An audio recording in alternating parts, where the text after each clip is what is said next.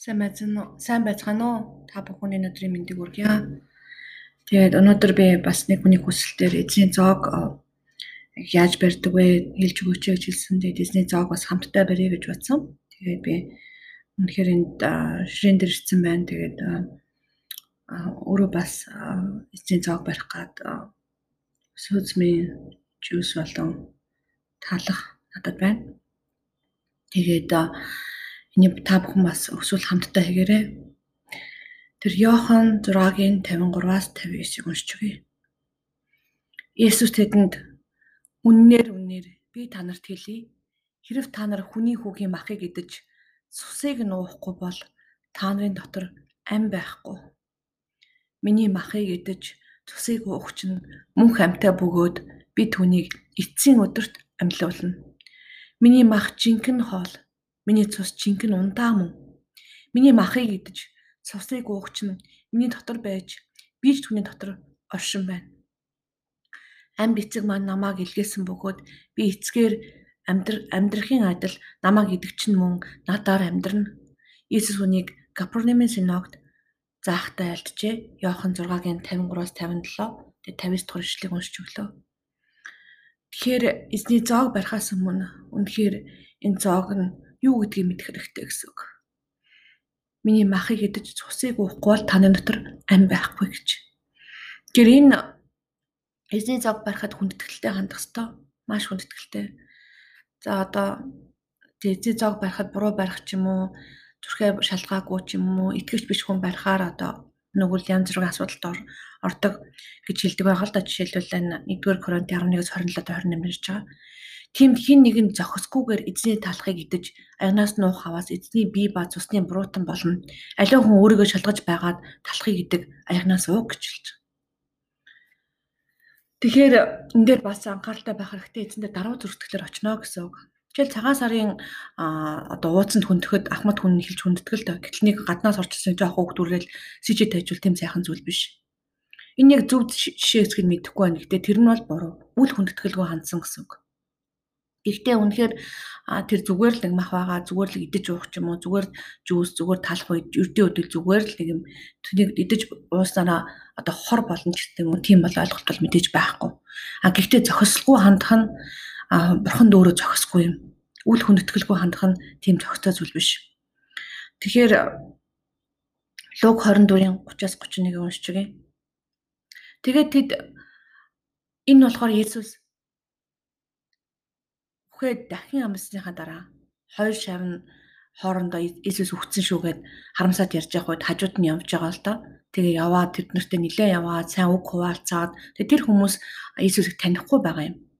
А гэхдээ луг 24-30-аас 31 гарах юм бол тэгээ тэд тэр тэдэнтэй хамт чирээний тухлан сууж тал хавч өрөөгөө хувааж тэдэнд өгөө тэдний нүг нээдэж түүнийг танив. Иесус нүдэнд нь харагдахгүй алга болжээ. Тэгэхээр яг энэ тал хаваач өрөөгөө хувааж өгөх үед тэдний нүүд нэгдэж байгаа. Тэгэхээр эзний зоог барих үед юу болд юм бэ гэх тэгэхээр эзний зоогоор итгэрж байгаа. Иесус шарахаар бид нар итгэрсэн. Эзний зоог яг зөв барих үед ямар ч өвчин итгэрж байгаа. Тэгээд удаан уулзаагүй ч юм уу эсвэл маа зочин ирэх ялангуяа итгэж анд найзууд ирэх үед би дандаа эзний зогийг барьдаг байгаа. Тэг үнэхээр дуусахгүй чөлөөлөлт хөөгдөхгүй байгаа чөлөөлтийг би эзний зоогоор чөлөөлдөг байгаа ариун сүнс сануулдаг яг одоо эзний цог байр гэж хэлдэг байгаа. Тэгээ заримдаа үнэхээр хэцүү үед би эзний цогийг байрдаг. Тэгээ эзний цогийг нэг гимшиг сэтгэлтэй гимшиж байр гэж маш олон хүн хэлдэг. Тэгээ нэг номерт санан дурсаж барих хэвээр. Яг өөрөө хэлэхдээ Есүс намайг гимшээд намайг идэрэй гэж хэлээг байхгүй. Сайн унших юм бол намайг санан дурсаж энийг итгэвтэн хэлсэн ба. Тэгээ түүний мах цусны үнийг мэддэг хүн эзний зоогийг барих үед Үнэхээр зоог барих үедээ бас даруусдаг байгаа юм да. Энэ зөв хийгдэх юм бол таны бүх идрэл чөлөөлт чухал бөгөөд ахын биеийн өвчний читгэрэл, сүнсний читгэрэл чөлөөлт нь чухал. Тэгээд үнэхээр санан дурс болгонд бас хийж болно. Зарим хүмүүс өдөр болгон хийдэг, зарим хүмүүс 7 хоногт нэг хийдэг, зарим хүмүүс санан дурсахтаа хийдэг, үе үе хийдэг ч юм уу байж болно. За тэгээд луг 22-оос 19-29. Тэгээд энэ яг үнэндээ бүх хүмүүс илтгэлдээ гурван номон дээр л байдаг. Гурав бусдад нь байдгүй өнтер гэж хэлдэг. Йохан номдоор сая байсныг та харлаа. Тэр матадар байдаг, лугдар байдаг, маргатар ч хүртэл байдаг эзний зог барих хэвшлэлийг тайлгуур нь хийсэн байж болно. Би яг дуу 22-оос 19-оос 20 хийгэр та бүхэн уншиж өгч байна. Иесус өөрөө хэлж байгаа.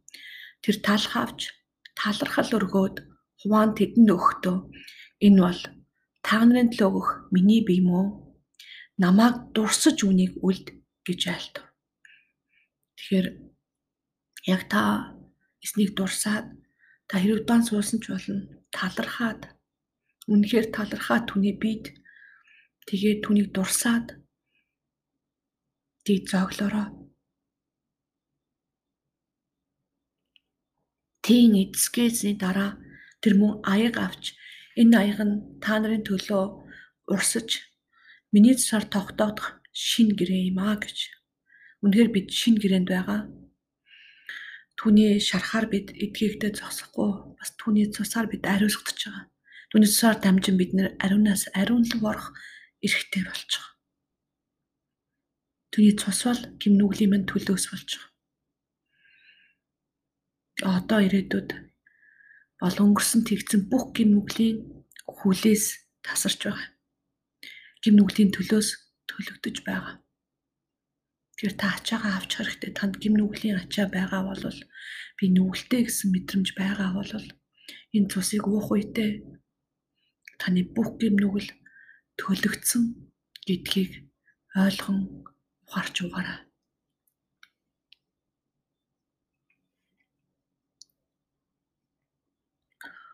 Тэгээд эзний зогийг маш хүндэтгэлтэй барьдаг шүү. Тэгээд хэд хэрл бол хэр удаан байж болно энэ эзний зогийг бариад 7 хоног тасралтгүй бариад хөлд хөл нь бүр мөнхөр ямар суугаа олон жил суугаа байсан морны сонсон хүн хүртэл идэрж байгаа би мэднэ. Эзний зогийг зүв барьсараа идэл чөлөөлт гэдэг хүмүүс амжилттай яваг бас би мэднэ. Тэгээд эзний зоог бол үнэхээр гайхамшигтай бидэнд өгсөн бас бэлэг шүү. Та танд баярлалаа. Надтай хамт эзний зоог барьсанд.